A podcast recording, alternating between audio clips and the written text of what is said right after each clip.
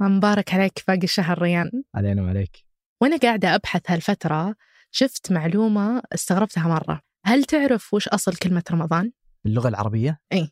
طيب هل هي قبل الإسلام ولا بعد الإسلام؟ من أيام الجاهلية لا صراحة ما أعرف اسم رمضان آه، الناس سم سموا هذا الشهر من كلمة رمض اللي هي ترمز إلى شدة العطش فكلمة رمضة اللي هي أصل كلمة رمضان يقصدون فيها اشتداد حر الظمأ أنه مو مو بس اشتداد حر الشمس. فأنت تكون ضميان مرة في في هذا الشهر من السنة يعني. عجيب اشتداد حرارة الظمأ. الظمأ إيه. يا لطيف. فعشان كذا جوف الصائم يشتد حره من شدة الجوع والعطش. فهذا اختبار حقيقي لل- للصيام في رمضان. هذا بودكاست الفجر من ثمانية. بودكاست فجر كل يوم نسرد لكم فيه سياق الأخبار اللي تهمكم معكم أنا ريان دعفس وأنا وفاء عبد العالي. في الخبر الأول اليوم مواجهة أمريكا والصين التجارية في صناعة القطن. وفي الخبر الثاني طباعة وطبخ الأكل لأول مرة بطابعة ثلاثية الأبعاد. كل سنة ينتج العالم أكثر من 35 مليون طن من القطن من مصانع المنتشرة حول العالم علشان تستخدم بصناعات كثيرة من أهمها الملابس والمفروشات أو حتى بالصناعة مثل لما يستخدمونها ببعض أجزاء السيارة أو حتى بالطب. بصناعة الضمادات وغيرها. وبسبب مختلف الاستخدامات هذه له وصل حجم سوقه بالسنة اللي راحت 2022 لأكثر من 38 مليار دولار واللي هو تقريبا نص الناتج المحلي لدولة مثل مصر وأكثر من الناتج المحلي للمغرب بنفس السنة. ومن بين الدول اللي تتنافس على هالصناعة الصين هي الأولى وتنتج لحالها ربع القطن اللي ينتجه العالم كله. أما الدولة الثالثة بالقائمة أمريكا فتقول تقارير جديدة أن شركات صناعة القطن فيها بدأت تضيف أحماض نووية للقطن اللي تنتجه علشان تثبت أنه قطن أمريكي وما دخل فيه أي قطن صيني. وهالشيء صار ضروري لهم بسبب حرب حالية بالقطن بين أمريكا والصين واللي بدايتها كانت بسنة 2020 يوم أعلن رئيس أمريكا وقتها دونالد ترامب حظر استيراد أمريكا لكل القطن اللي تنتجه أحد المقاطعات بالصين. واللي لحالها تنتج 85% من قطن الصين كله. وكان السبب اللي قاله علشان يبرر هالقرار هو إن هالمنطقة يسكنون فيها أكثر من 11 مليون من أقلية الإيغور المسلمة وإنهم تنتهك حقوقهم ويستخدمون كعمالة قسرية علشان ينتجون القطن فيها. وعشان كذا بتمنع استيراد أي قطن جاي منها ولو وصل بتصادر كل الكميات اللي تجي منها.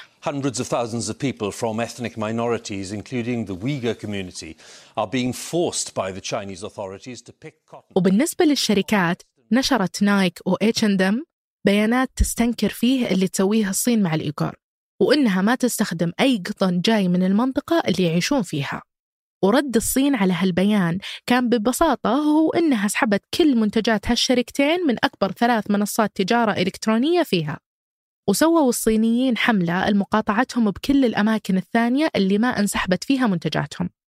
والصين قالت أن أقلية الإيغور بهالمنطقة ماخذين كل حقوقهم ويرسلون باستمرار لدورات تدريب وتأهيل لوظائفهم.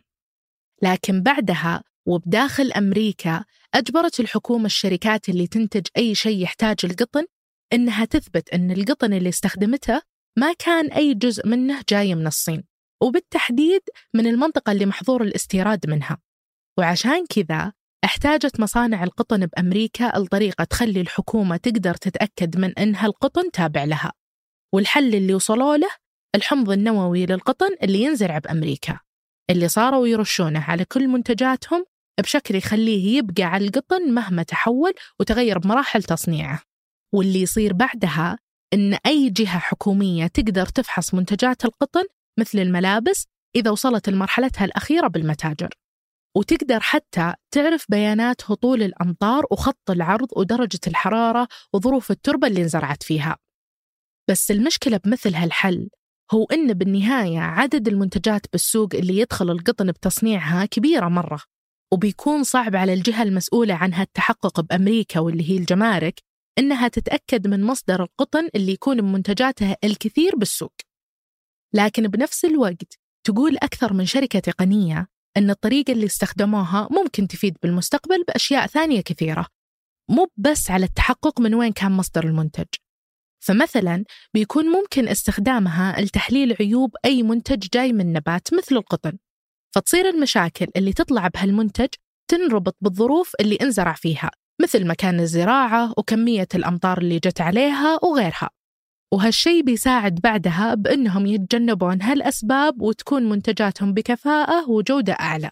Very interesting to think what would happen when you bring software and robotics into something as basic as cooking. مع تطور تقنية الطباعة ثلاثية الأبعاد صرنا نشوف الكثير من المواد والأشياء اللي كانت تصنع بالمصانع والمعدات الضخمة صارت تنطبع من خلالها. لكن يمكن ما كنا نتوقع أنه ممكن ناكل أكل مطبوع بالطابعة ثلاثية الأبعاد.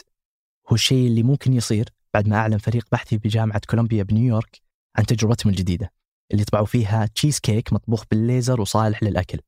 وكانت مكوناته متنوعة بين مواد غذائية جاهزة وأحبار صالحة للأكل. وعموما فكرة طباعة الأكل ما هي جديدة لأنها بدأت بتجربة قبل 18 سنة سواها دكتور اسمه هود ليبسون وطبع فيها لأول مرة شيء قابل للأكل. Uh, uh, uh. لكن وقتها كان بس يطبع الأكل اللي ما يحتاج طبخ مثل الكاكاو والبسكوت وغيرها. أما اليوم فالتطور الجديد اللي وصل له هالمجال هو أنه صار ممكن حتى الأكل اللي يحتاج طبخ ينطبع بطابعة ثلاثية الأبعاد. وعشان يطبخونه استخدموا الحرارة اللي يولدها الليزر بدل الحرارة العادية اللي تكون بالفرن مثلا. وفيه أكثر من فائدة بطباعة الأكل بهالطريقة منها مثلا أنها تساعد بضبط المحتويات الغذائية للوجبة اللي تطبعها. وتسمح بتحديد كمية السعرات فيها بشكل دقيق. لأن بالنهاية كل مكوناتها تنضاف حسب أي قياس مطلوب من الطابعة. وهالشيء بيخليها خيارات صحية ممتازة. وحسب الباحثين اللي طوروها من أهم ميزاتها هو تكلفتها اللي تخلي الأكل اللي تنتجه بسعر أقل من الخيارات الثانية اللي تقدم نفس قيمتها الغذائية. وحتى أنها تعتبر عموما أكثر سلامة وأمان لأن ما يكون فيها أي تدخل بشري بطباعتها أو طبخها بالليزر بعدها.